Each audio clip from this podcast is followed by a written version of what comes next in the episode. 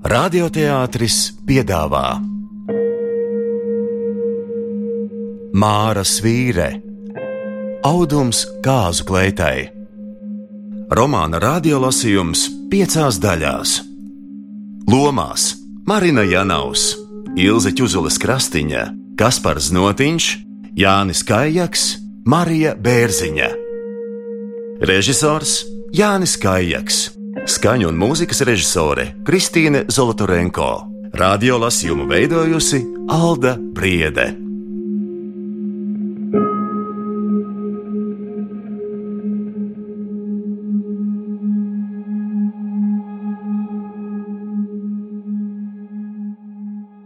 Galveno varoņu mīlestības mūžs nav izdomāts. Tas dziļi sakņojas mūsu valsts un arī Latvijas radio vēsturē.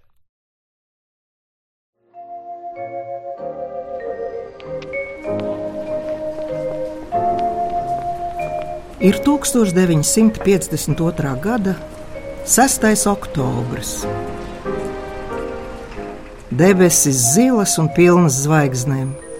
Ielas mala un izdrupušais trotuārs piebiruši liepu lapām. Izkāpjot no trolēļus un atkal paceļot acis, izskatās, ka tur augšā valda viena vienīga tumsība. Dīvaini gan. Vārgās ielas spuldzes pārspēja zvaigznes, kas taču gaismo miljonus reižu spēcīgāk un tālāk, daudz, daudz tālāk. Cik gaismas gadu? Studente, studente, studente. Jau filologu otrajā kursā. Un ir sava nauda, stipendija 220 rubļu mēnesī. Viens mammai jādod, jo ir vēl rasmiņa, ārvīts un mazais īmīts, kuru jāapgādā. Ja vecākajai meitai radusies nauda, tad ģimenes katlā jāliek sava daļa. Pārējais būciņām fakultātes bufetē vai kino biļetēm. Parasti gan Kārlis izmaksā. Viņam ir nauda. Vismaz saprot, nav viegli naktīs preču stacijā kraut vagonus. Dienā pēc tam viņam ir sarkanas acis negulēšanas dēļ vai no putekļiem bet Kārlim jābūt patstāvīgam vīrietim, jo dzīvo neviena neatbalstīts. Un viņš lepojas, ka nav pliks zaļknābis, kā daži citi kursa biedri, kuri knapinās, iztiekot vienīgi no stipendijas. Biļešu kārotāji rindai pie kinoteātra Rīga, aste ārā priekšpagalmā. Gribētāji daudz, kā vienmēr uz naktas seansiem, kad rāda ārzemju tā dēvētās trofeju filmas. Viņas brauc uz kases telpā, lai pārbaudītu, varbūt Kārlis jau ir iekšā, jo ir norunāts, kurš pirmais atnāks, tas stāsies rindā. Soli pa solim rinda virzās uz priekšu, beidzot vizma pavisam legāli ieiet pa kārotajām durvīm. Hmm. Varbūt Kārli nelaiž iekšā? Nē, gan jau tiktu. Droši vien pēdējā brīdī izskrēja no mājas, tad nenāca tramvajs no pārdaugavas līdz centram tālu.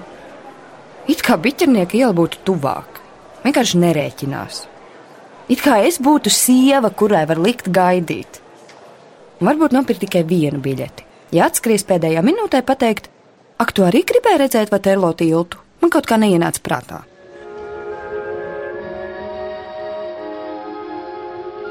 Tukšais krēsls līdzās traucē, smacē rūkums, it kā būtu kas zaudēts un filma galīgi nepiemērota. Vai gluži otrādi par daudz atbilstoša, arī par zaudējumu. Теперь вы меня не забудете? Думаю, нет. До конца своих дней. Acis mirkst asarās. Ja Kārlis sēdētu blakus, saņemtu vismaz roku savējā, kā parasti kinozālē, un viegli paspiest, kad gribētu teikt, ka uz ekrāna redzamais ir tikpat kā par pašiem, tad viņi neraudātu. Varbūt kādu paslapenu asaru par dzīves nežēlību. Filmu taisījuši vīrieši, tāpēc vājā ir sieviete, kura neiztur uzticības pārbaudi. Bet ko lai Vizma domā tagad, ap diviem naktī, kad tramvai vairs neiet, viena pati soļodama pa tukšo leņķinielu? Kur mans vīrietis, sarks, mīļotais? Vai varbūt kas noticis? Ne jau zem tramvaja pakritis. Saslims. Šodien bija fakultāte, un nekas neliecināja, ka, ja nu smukās kursa biedrenes savaņģojušas puišus uz kādu dēku, kāpēc lai viņš neatsauktos? Un aizmirsa, ko solīja spēlēkajai pelē. Vismaz viņa pati sevi tā vērtēja, salīdzinot ar Kārļa kursa pašapziņīgajām smukulēm.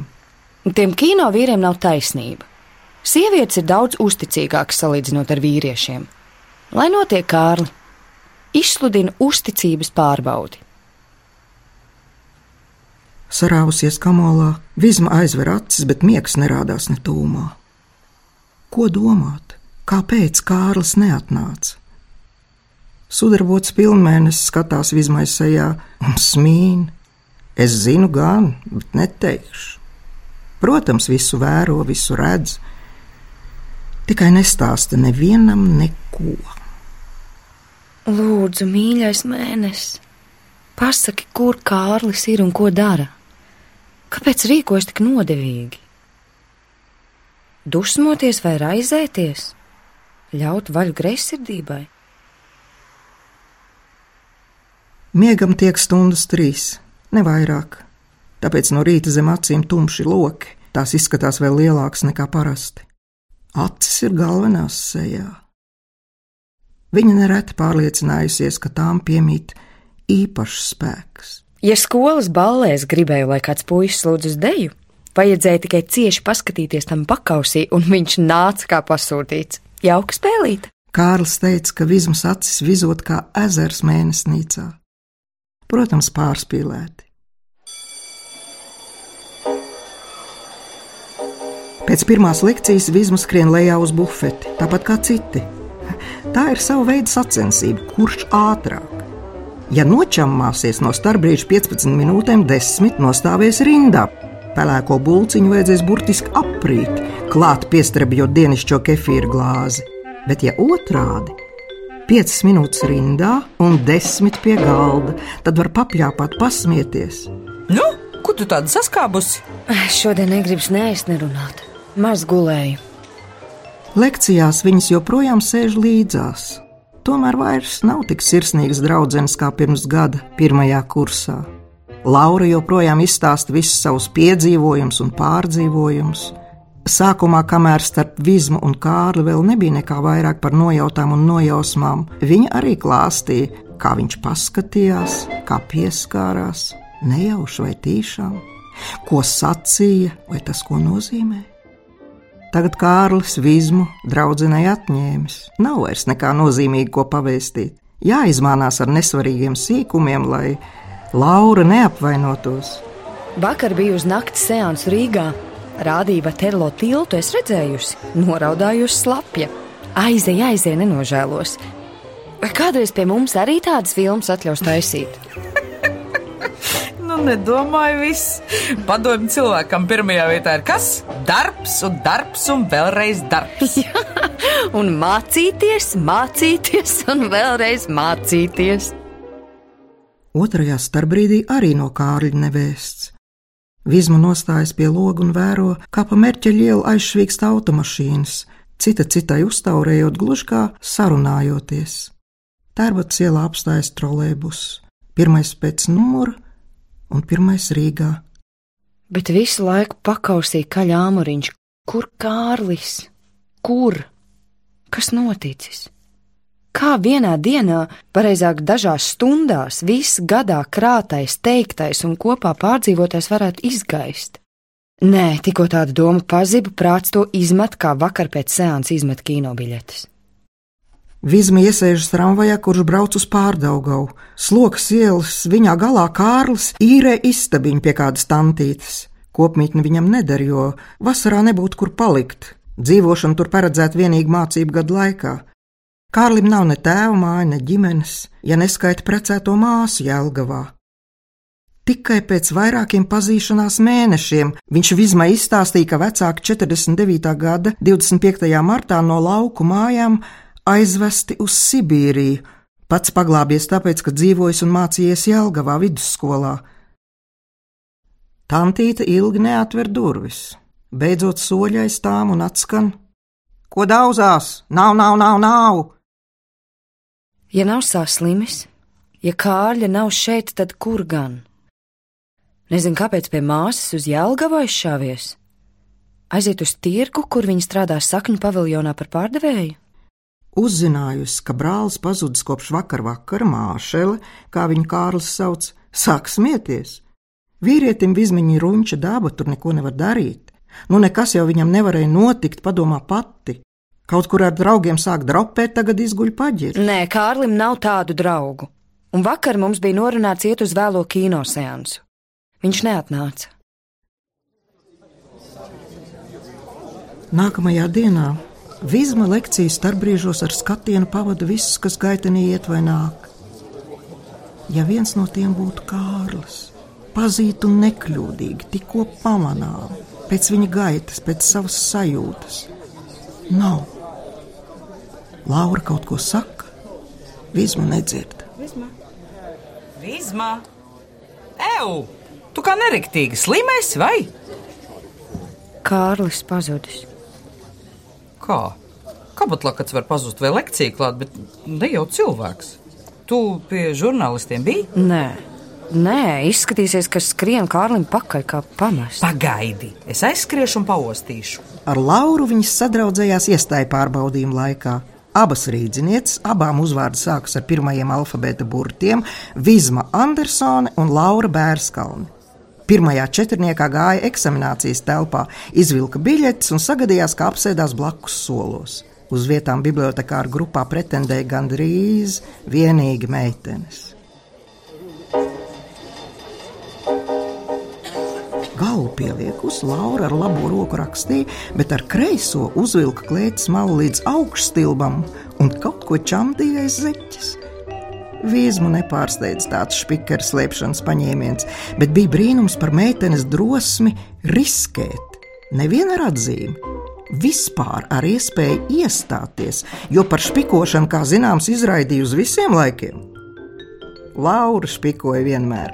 Viņa bija piebāzta ar spikeriem, kā pīrāgs ar kāpostiem. Un tu nemaz nebaidies? Ē, tas ir sports. Zini, kāpēc man izdodas? Brīļu dēļ. Neviens nepateiks, kur es pagriežu acis aiz brīļu stikliem. Jau skan zvans uz lekciju, kad Laura atgriežas. Mazāk apņēmīga nekā aizejot. Paklausies, patiešām. Ne vakar, ne šodien nav redzēts. Iesim uz miliciju, pieteikt. Domā, viņi meklēs, kā un kur? Nu, gan jau ir kādi paņēmieni. Dzīves vietā pie radiem paziņām, ko citu viņi var izdomāt. Kārļa māšēla vakar satiku, viņa neko nezina. Slimnīcās apzvanīsim.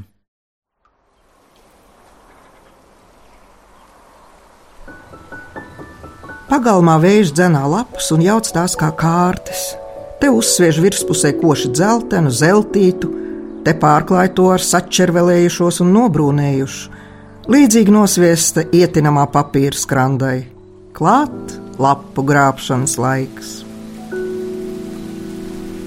Tēvs izrīkoja, Vīzma un Kārlis dārzā grābs ābeļu lapas. Visām kaudzēm nepietiks vietas, sausās vajadzēs dedzināt, kopā ar flokšu un citu puķu lakstiem. Uguni pielaist proti. Kārlis pašvadzināja kabatā sērkociņus. Ak tā, tad jau pauzēs varēsim sapīpēt. Dārza galā kūpēja ugunskurs un dūmi izplatīja rūktenu smārdu. Kāds rodas tikai pavasarī un rudenī, kad dedzina vecās lapas.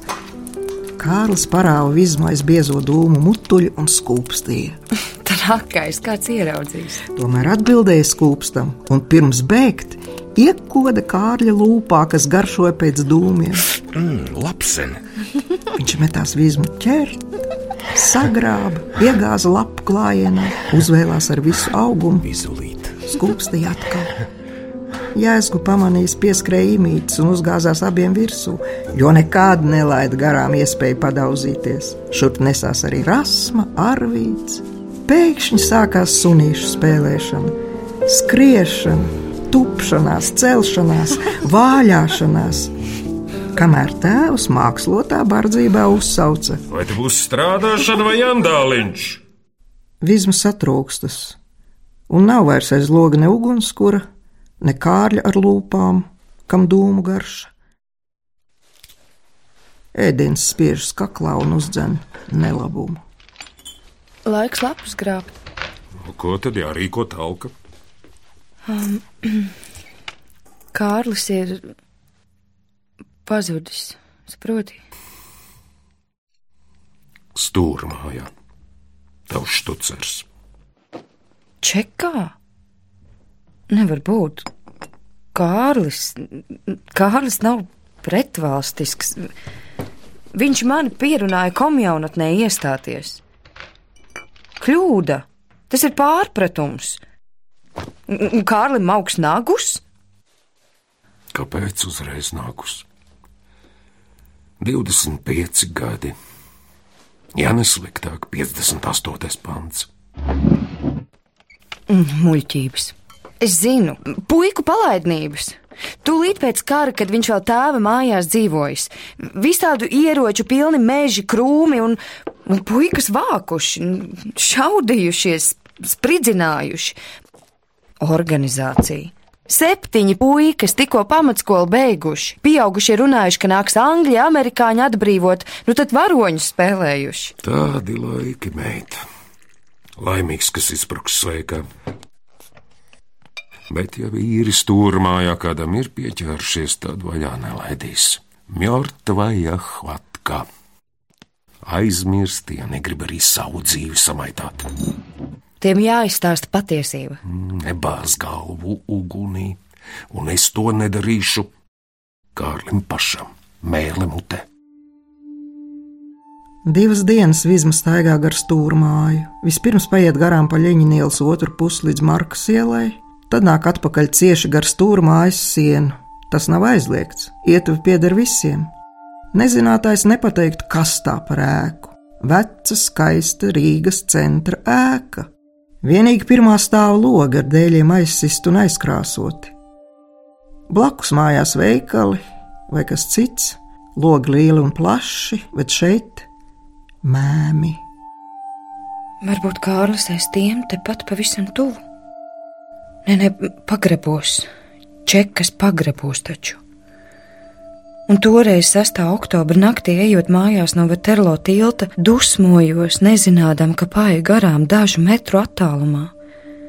Ka viņš tur sēž, guļ vai stāv nelaimīgs un mēms kā šie logi. Varbūt piekauts asinīs. Ielas Ļeņķa ielas pusē nav. Šķērsojus Engels ielu, Vizma pamet skatienu atpakaļ. Jā, tur ir durvis, pie kurām stāv sarks, zaļganā formā ar zilu cepurus apmali. Nav drosmas pieiet pajautāt. Rīt. Trešajā dienā viņa beidzot sadūšojas. Sarks nerunīgs, ņepaložana. Vizmas krievu valoda nav visai laba, bet tik viņa saprot, ka nedrīkst. Ko nedrīkst? Neko nedrīkst. Pa durvīm iznāk vīrietis virsnieka formā ar uzplečiem.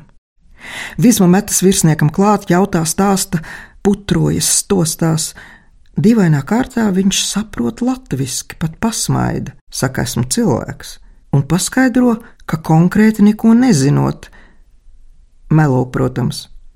Bet vispārīgie noteikumi satikšanos neatļaujot, cigaretes un produktus, ne visus, varot nodot tur, tajās durvīs. Vizmīt kā pamostas, Vai būtu ilgi te stāvējusi? Virsnieka vairs tuvumā nav. Ko viņš gal galā teica? Jāpūs atcerēties. Cigaretes, produkti, tās durvis. Jāsaņemas, jāiet, jāatver, jājautā un, un jāsagādā pienesums. Droši vien apcietināti ir pusbadā.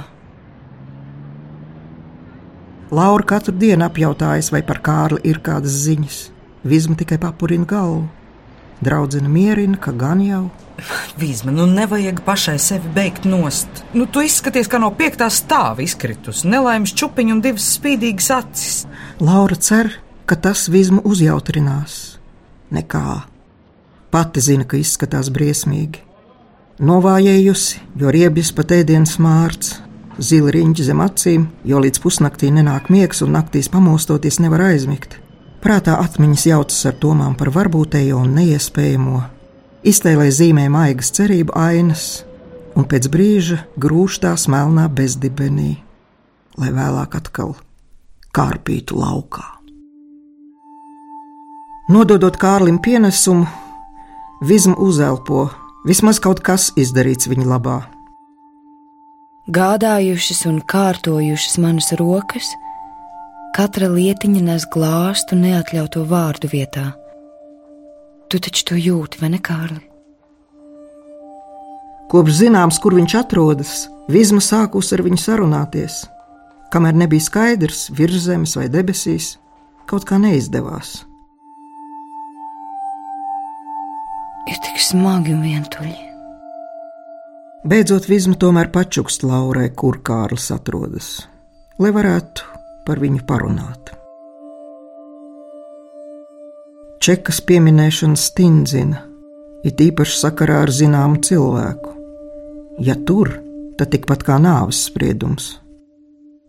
Nē, sliktāk, jo nāve skar tikai to, kuru izvēlējusies, bet stūra mājas taustekļi stiepjas tālu, var sagrābt un ievilkt sevī ikvienu no radiem, draugiem, paziņām. Vizma nobrīdina klusēt, lai gan ir pārliecināta, ka labākā draudzene nenodos.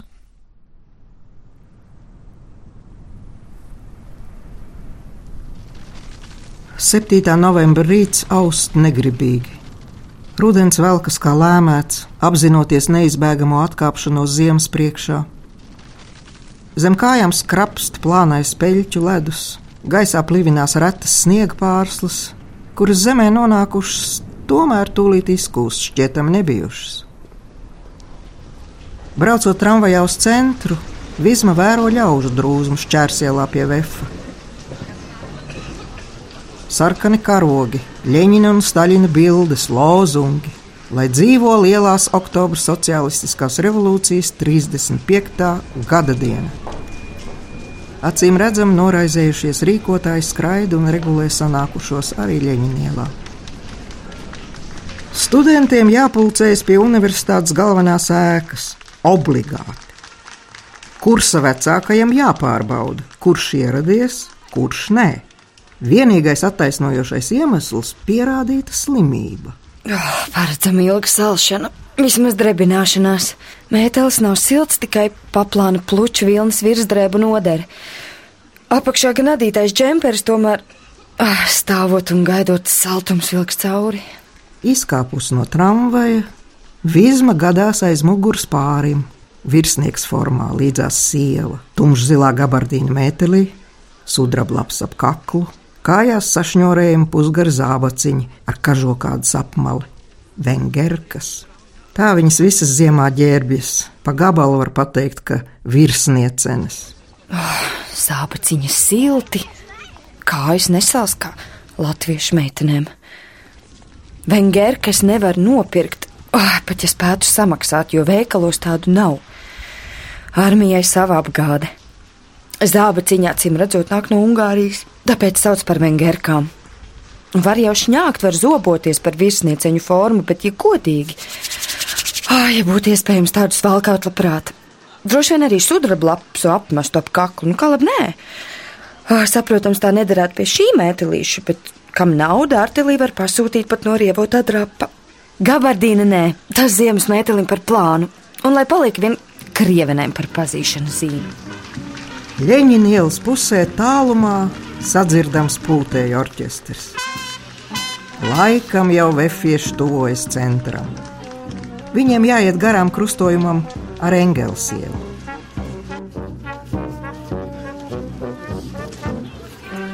Kārli, vai dzirdi maršu? Skaņas no brīvības, kuras nespēja apturēt ne pagraba sienas, ne atslēgas un sargi. Mīļais, vai jūti, ka esmu tuvu? Stāvu inženieru ielā, tur, kur aizpērn 7. novembra rītā izkāpām, atceries? Es aizgāju neatskatīdamās. Protams, to atceries, mēs šeit to pārunājām. Kā iepriekšējā dienā braucām uz kolhozu ar filologu pašdarbību kuplināt svētku sarīkojumu. Tu apsēdies man blakus, Patiesībā to vietu glabāju Laurai, bet ja tā nevīžo pamanīties, un galu galā mēs ar tevi taču deju pāris. Rekāda Kārlim skaista balss, es nodomāju. Un dziesmu vārdi arī zinām no sākuma līdz beigām. Laikam kaut ko runājām, smējāmies. Jelga vai cauri braucot, tu pateici, ka te mācījies vidusskolā. Ak tā, nu lai būtu. Un tad jau drīz tuvojās gala mērķis. Es parakājos somā spogulīti meklēdama, kā gadījās, kā neuzvandīja piezīmju grāmatiņu, un no tās izslīdēja bilde. Pirmā studiju dienā biju aizgājusi nofotografēties. Tu zibenīgi to paķēri, ielūkojies un iebāzi kabatā. Es uzstāju, lai atdod, tu tikai smējies, paturēšot par piemiņu. Un vēlāk jūs gandrīz visi puiši pieļurbājāties, un nākamā rītā atpakaļ ceļā es no tevis aizmuku, apsēdos pašā aizmugurē. Snauduļotājs līdzās man nav vajadzīgs. Ja grib, lai domā, ka bildes zakšanas un varmācīgās bučošanās dēļ. Kad pavasarī saule nožāvēja trotuārus, kad zilgana vakara dūma, ka krūtīs iemeta dīvainu kamolu, tev pēc mēģinājumiem kaut kā gadījās uz manu pusi. Kas notika pēc tam, tu zini tikpat labi kā es. Un pirms pagājušā gada oktobra svētkiem, kad tu biji nopelnījis naudu jaunam uzvalkam, es jau gāju līdzi, lai palīdzētu izvēlēties. Atceries, tu, tu šaubījies kādu pirkt no laimdotas vai no glorijas šūtu. Minstinājos teikt, ka jāņem dārgākais, labākais, audums gludāks, stingrāks, turēs bukti, bet es taču nevarēju prasīt, cik naudas tev īsti ir un cik var izdot. Neatceros, ko izstomīju, varbūt, ka laimdotas uzvalk ir visiem. Tu saprati, un Glorija tagad karājas manā skapī, gaidot, kad tu atgriezīsies. Tam jānotiek drīz, pavisam drīz. Katram normālam cilvēkam skaidrs, ka neesi tiesājams par ko? Puiku palaidnības un viss. Mīļais, šajos svētkos man salst. Pat pie siltās krāsnes mājās nevarēšu sasildīties.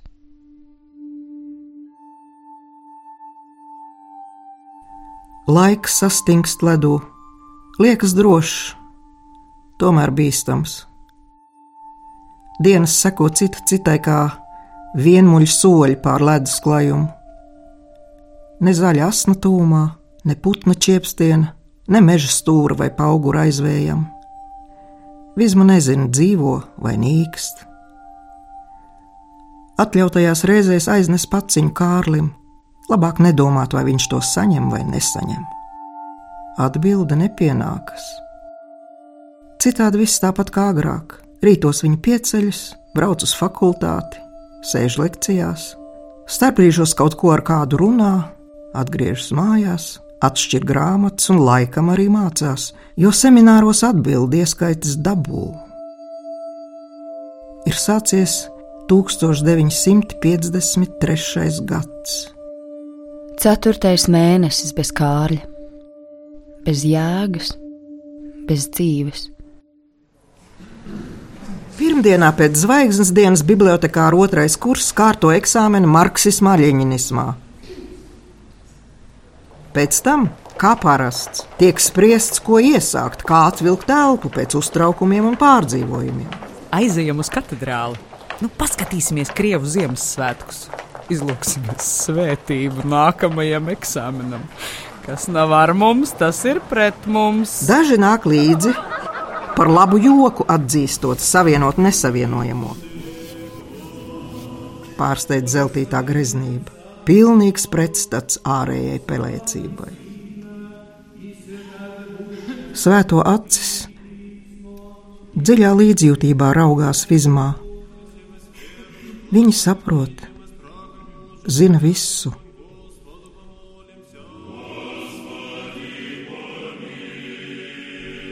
Varenais dziedājums piepilda nevienu telpu līdz augstajiem griestiem, tas atņem vēlēšanos domāt.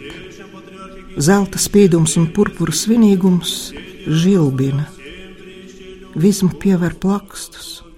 Ak, Dievs, dod lai Kārli! Pēkšņi īstie dievlūdzēji metas ceļos uz augstās akmens grīdas. Nu gan situācija. Ko lai dara? Abas ar Lauru saskatās, tā parauj viņai spiedurknes un meitenes steidzīgi metas laukā. Saltais ziemas gaiss atdod realitātes sajūtu. Vizma vēl atskatās uz tumšajām durvīm, aiz tām tiešām cita pasaule, pārpasaule, aizpasaule, katrā ziņā ne aizsaule. Zemzeme, kaut kas augstāk par zemi. Nu, ko tu tāda domīga? Par to pašu. Gandrīz sāku dievu lūgt par Kārli. Tu esi nojūgusies, godvārds. Cik ilgi var? Nezinu, varbūt visu mūžu. Nedzīvot. Saproti reizi, ja cilvēks nokļuvis tur, tad tur arī paliks. No turienes neizlaiž. Kārlis neko nav izdarījis, es zinu. Viņš ir lojālāks par manu tēvu, kurš karojas sarkanajā bultā. Paps sodās, ka nacionalizēja viņa ķēvi, kaut joprojām ar to strādā, un tā stāv mūsu kūtī. Nu, beidz par ķēvēm. Labāk padomā, pagājuši trīs mēneši. Ja patiešām tas būtu pārpratums, viņi, viņi nekļūdās pat tad, ja kļūdās. Skaidrs ir kāds pamats, ko tu nezini. Nu, labi, es saprotu, ka tu nevari viņu aizmirst, bet pacenties neriņķot vienīgi ap to, nu padomā arī par kaut ko citu. Vai tad es nenokārtoju? Ieskaitas, eksāmenus. Trūka vēl, ka tu visu pamestu un sēdētu vienā punktā blenzdama. Domā tālāk, kā es. Mēs iestājāmies bibliotekāros tikai tāpēc, ka žurnālistos nebija uzņemšanas raksti.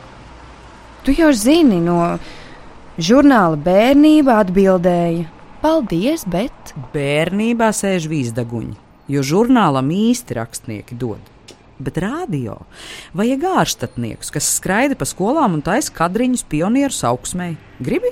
Mm, ieteikšu tevi. Neticu, ka sanāks. Pastāv taču rādio specifika. Strunts. Tāpat visus papīri jāuzraksta, tikai drukāšanas vietā aktieri nolasa. Visa specifika. Sagriezusies šķībi no sīkajām sniegpārslām vairoties, Vizma iet gar pelēko ēku 17. jūnija laukuma malā, iepratim domu baznīcai. Radionam pagrabstāvu logiem priekšā pamatīgas restes. Greznumam vai drošībai? Kas gan tur būtu tik sargājams? Nesaprotamais skaņu jūklis, ko neskaidri iespējams sadzirdēt cauri stikliem. Ārdurvis tik smagas, ka izmai tik tikko pietiek spēka pavērt, lai iešmauktu iekšā. Pa kreisi aiz stiklota lodziņa caurlaižu birojas, pavisam maz telpa, kurā sēž akurāti ondulēta sieviete. U uz bērnu redakciju. Vizma pastiepja pasi. Sieviete paskatās kādā papīrā, pamāja un izraksta caurlaidi, kuru redakcijā vajadzēšot atzīmēt. Pa kreisi lifts, bet tas esot slēgts, jo visiem jāiet caur durvīm, aiz kurām sēž milicis. Apskata caurlaidi, salīdzina ar pasi un tikai tad var tikt tālāk. Platas patumšas kāpnes atduras pusstāvā.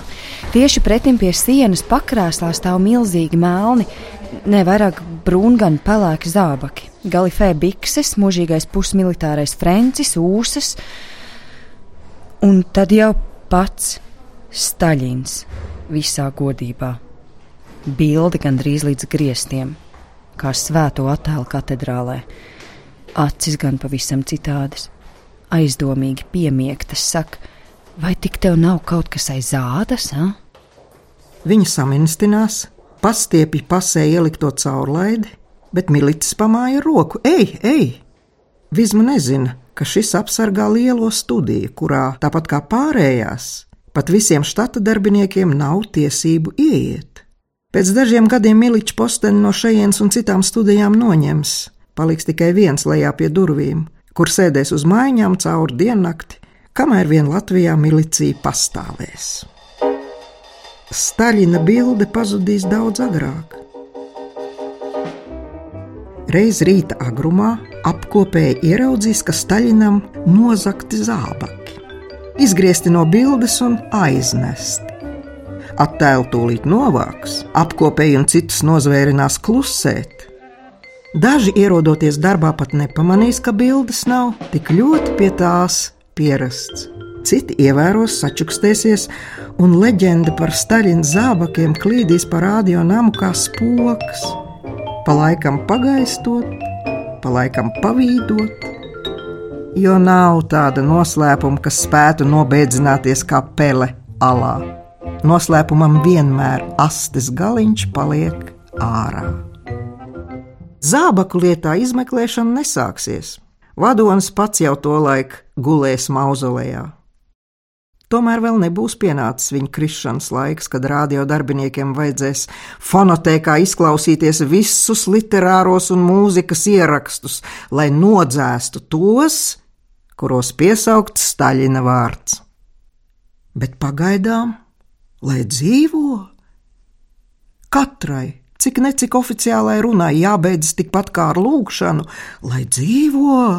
Padomi tautas lielais vadonis, tēvs un skolotājs biedrs Staļins, lai dzīvo! Un pēkšņi nedzīvo. Mīris. Maskavas radio galvenā balss diktors Levitāns biedējoši sērīgi, drūmi dimdoši, kā apzvanot skandē, ka чувством великой скорби 1953. gada 6. martā pēc grūtas slimības скончался Иосиф Виссарионович Сталин. Mīļais, vai jums arī jāsāro? Vai tu vispār zini? Es tev tik ļoti gaidu.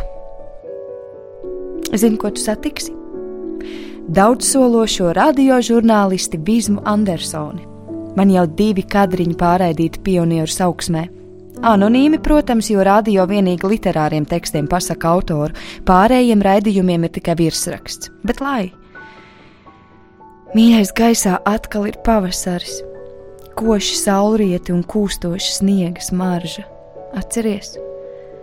Stāvējām pie vārtiņiem un skūpstījāmies augstām lūpām, kamēr tās sasila un kad kājas sāka salt, tad es iegāju mājā pa durvīm, bet tu pēc brītiņa ielīdi manā istabā pa logu. Tieši gultā.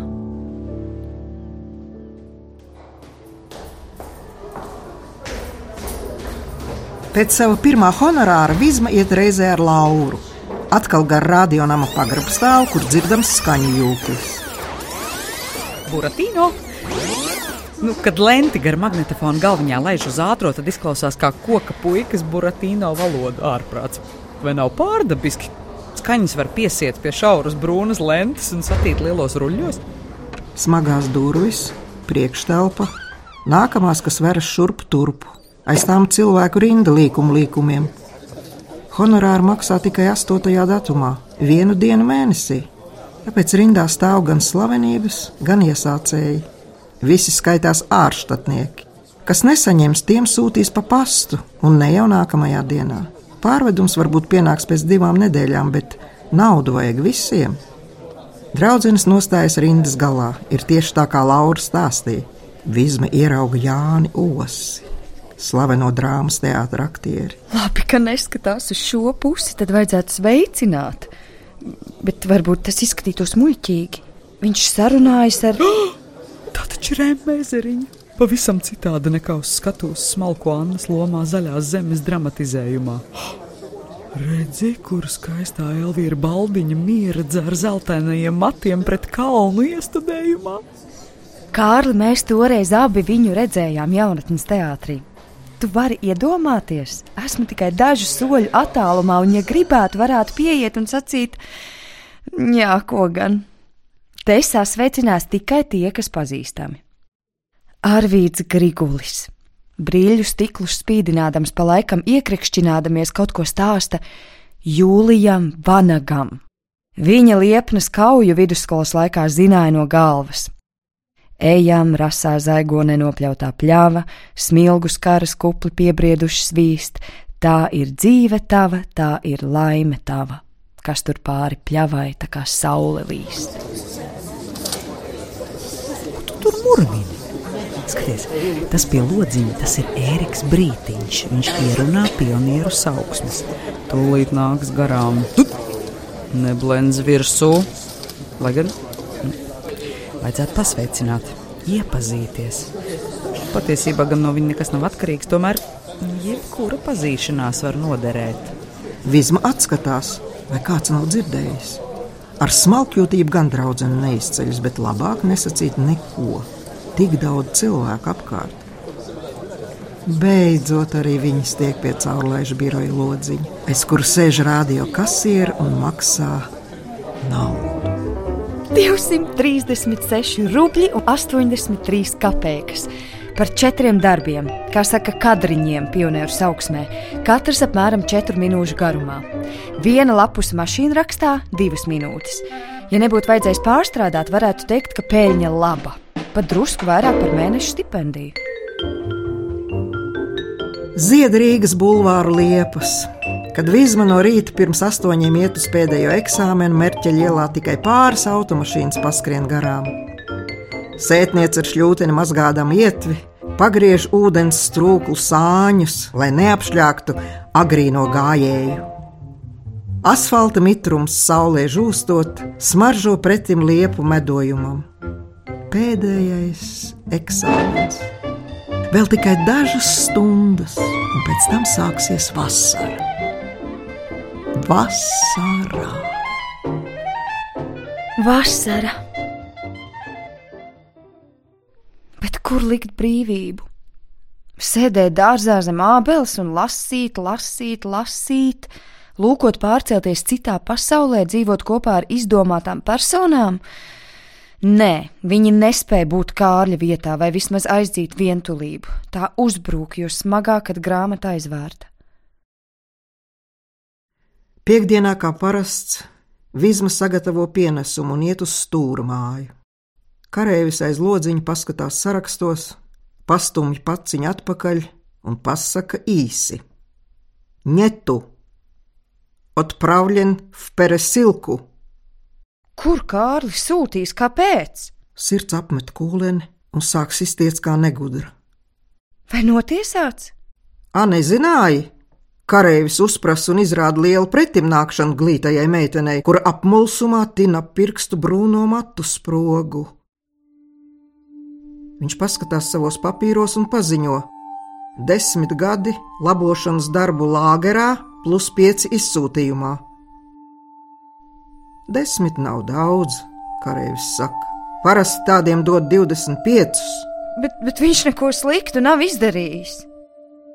Vizma jautā, kur tā peresilka atrodas, un nolēma tūlīt doties turp bet kareivis vēl uzsauc, lai brauc rīt, šodien jau ir par vēlu. Mīļais, mīļais, kaut tu vēl nebūtu lopu vagonā, kas vada nezināmā virzienā uz, uz Omsku, Tomsku vai Vorkutu. Desmit gadi, desmit! Ārprāts! Tad tev būs 34, man 32. Daudz, bet ne pārāk. Es nopirkšu baltu zīdu, pasūtīšu kāzu kleitu līdz zemei, plīvuru, tad jau varēs dabūt tās pēckara grūtības nevar turpināties mūžīgi. Kaut vai lai izslēdz no komjaunatnes. Ak tā tad jau būšu no tā vecuma ārā, un neviens man neko nevarēs aizliegt. Mēs dzīvosim laimīgi, laimīgi dzīvosim.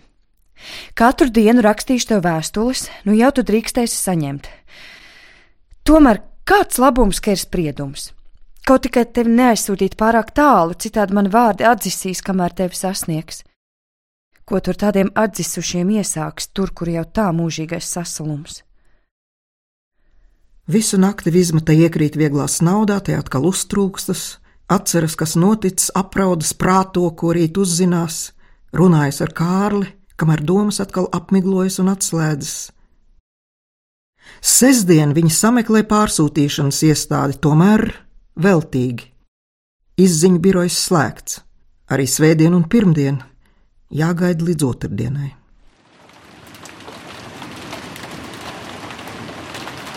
Otradien debesis nomākušās līņā un garstāvoklis zem nulles. Viņa mēģina sev iestāstīt, ka varbūt izdosies Kārli ieraudzīt vai pat satikt, bet pakausīja kaļ brīdinājums. Velti, velti, Viņš jau aizsūtīts diezin kur. Beidzot, tā iestāde ir klāta.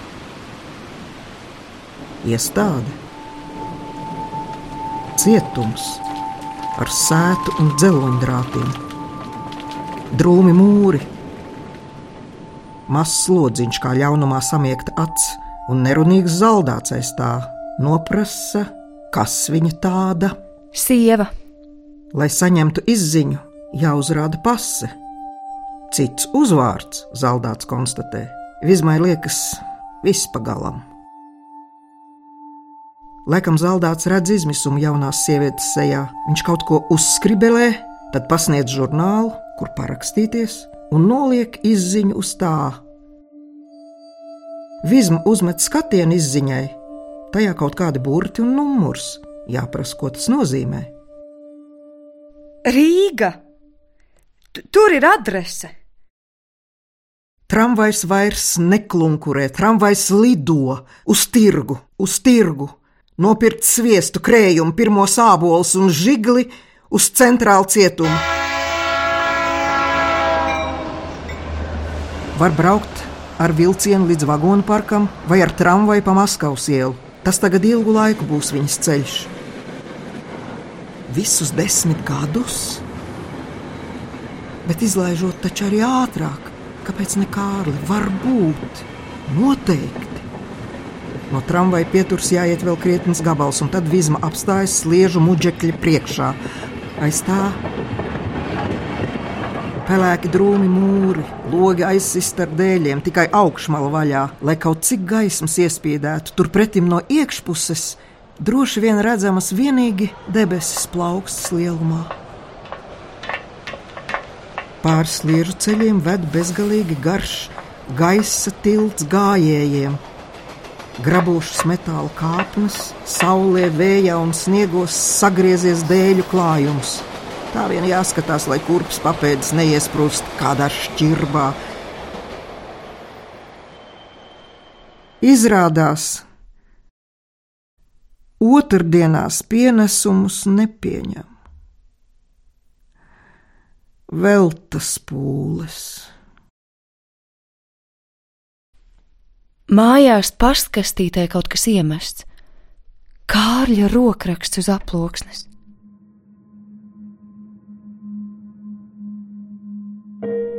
Rīgā 1953. gada 16. jūlijā.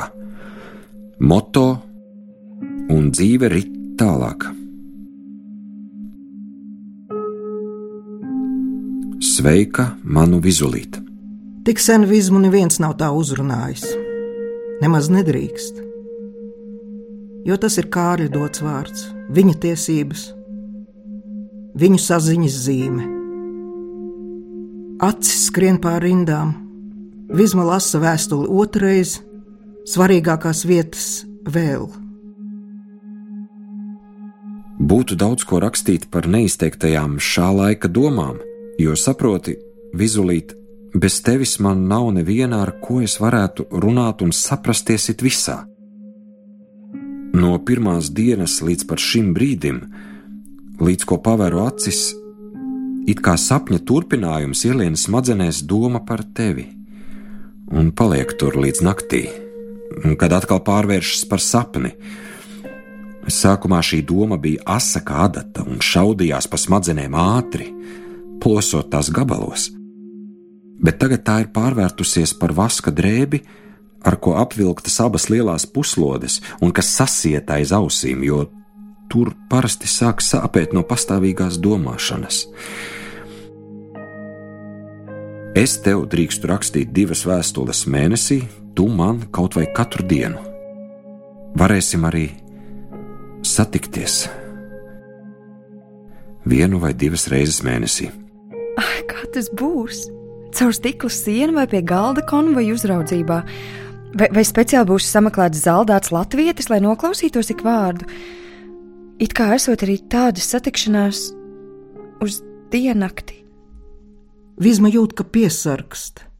Viņa taču sameloja, ka sieva. Ja atklāja, ah, nē, te rakstīts, ka nekādas izziņas nav jāmeklē. Tu zini, ko es atradu? Piezīmju grāmatiņā mūsu abu bildītes. Bija milzīgs prieks, jo domāju, ka tās jau pazudušas. Atrada. Tad, laikam, piezīme grāmatiņa bija atņemta un tagad atdota, jo neko pretvalstisku tajā nevarēja atrast. Pretvalstisku. Muļķības, pilnīgs muļķības, kā var notiesāt ne par ko un tik bargi, tik netaisni. No produktiem pašas vēlamākās lietas ir taukvielas, cukurs, cigaretes, vienkāršais zīmulis, vēstuļu papīrs, aploksnes, markas, ziepju trauciņš. Pārējais pēc taviem ieskatiem. Zini, paciņas nav galvenais, bet ka tu rakstītu, to jau nu gribētu. Bet varbūt dzīvē viss mainās. Kā viņš var šaubīties? Jā, dzīve ir tālāk, bet nekas nemainās un nemainīsies. Par to es esmu droša un visus desmit gadus. Pēc tam, lai būtu kā būdams. Vizma pārlasa vēstuli vēl un vēlreiz. Tad pieglauž pie vaiga, cerībā sajust kārļa smaržu. Varbūt bez vārdiem vēl kaut ko pasakīs. Ir vēstule, un būs satikšanās, un var notikt brīnums. Vizma ir pārliecināta, ka ļaunākais jau garām.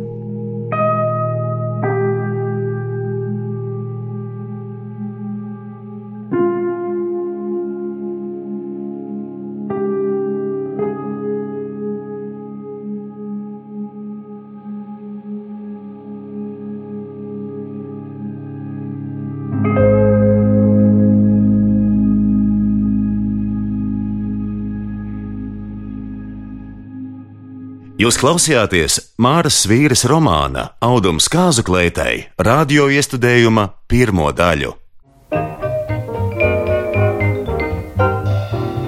Lomās autore Marina Janaus, Vizma Ilze Čuzules Krastiņa, Kārlis Kaspars Znotiņš, Tēvs Jānis Kājeks, Laura Marija Bērziņa. Radio iestudējumu veidojuši režisors Jānis Kājaks, skaņu un mūzikas režisore Kristīne Zolotorenko, redaktore Alda Briede, mecenāti Boris un Ināra Teterēvi. Ieraksts veikts radioteātrī 2017. gadā.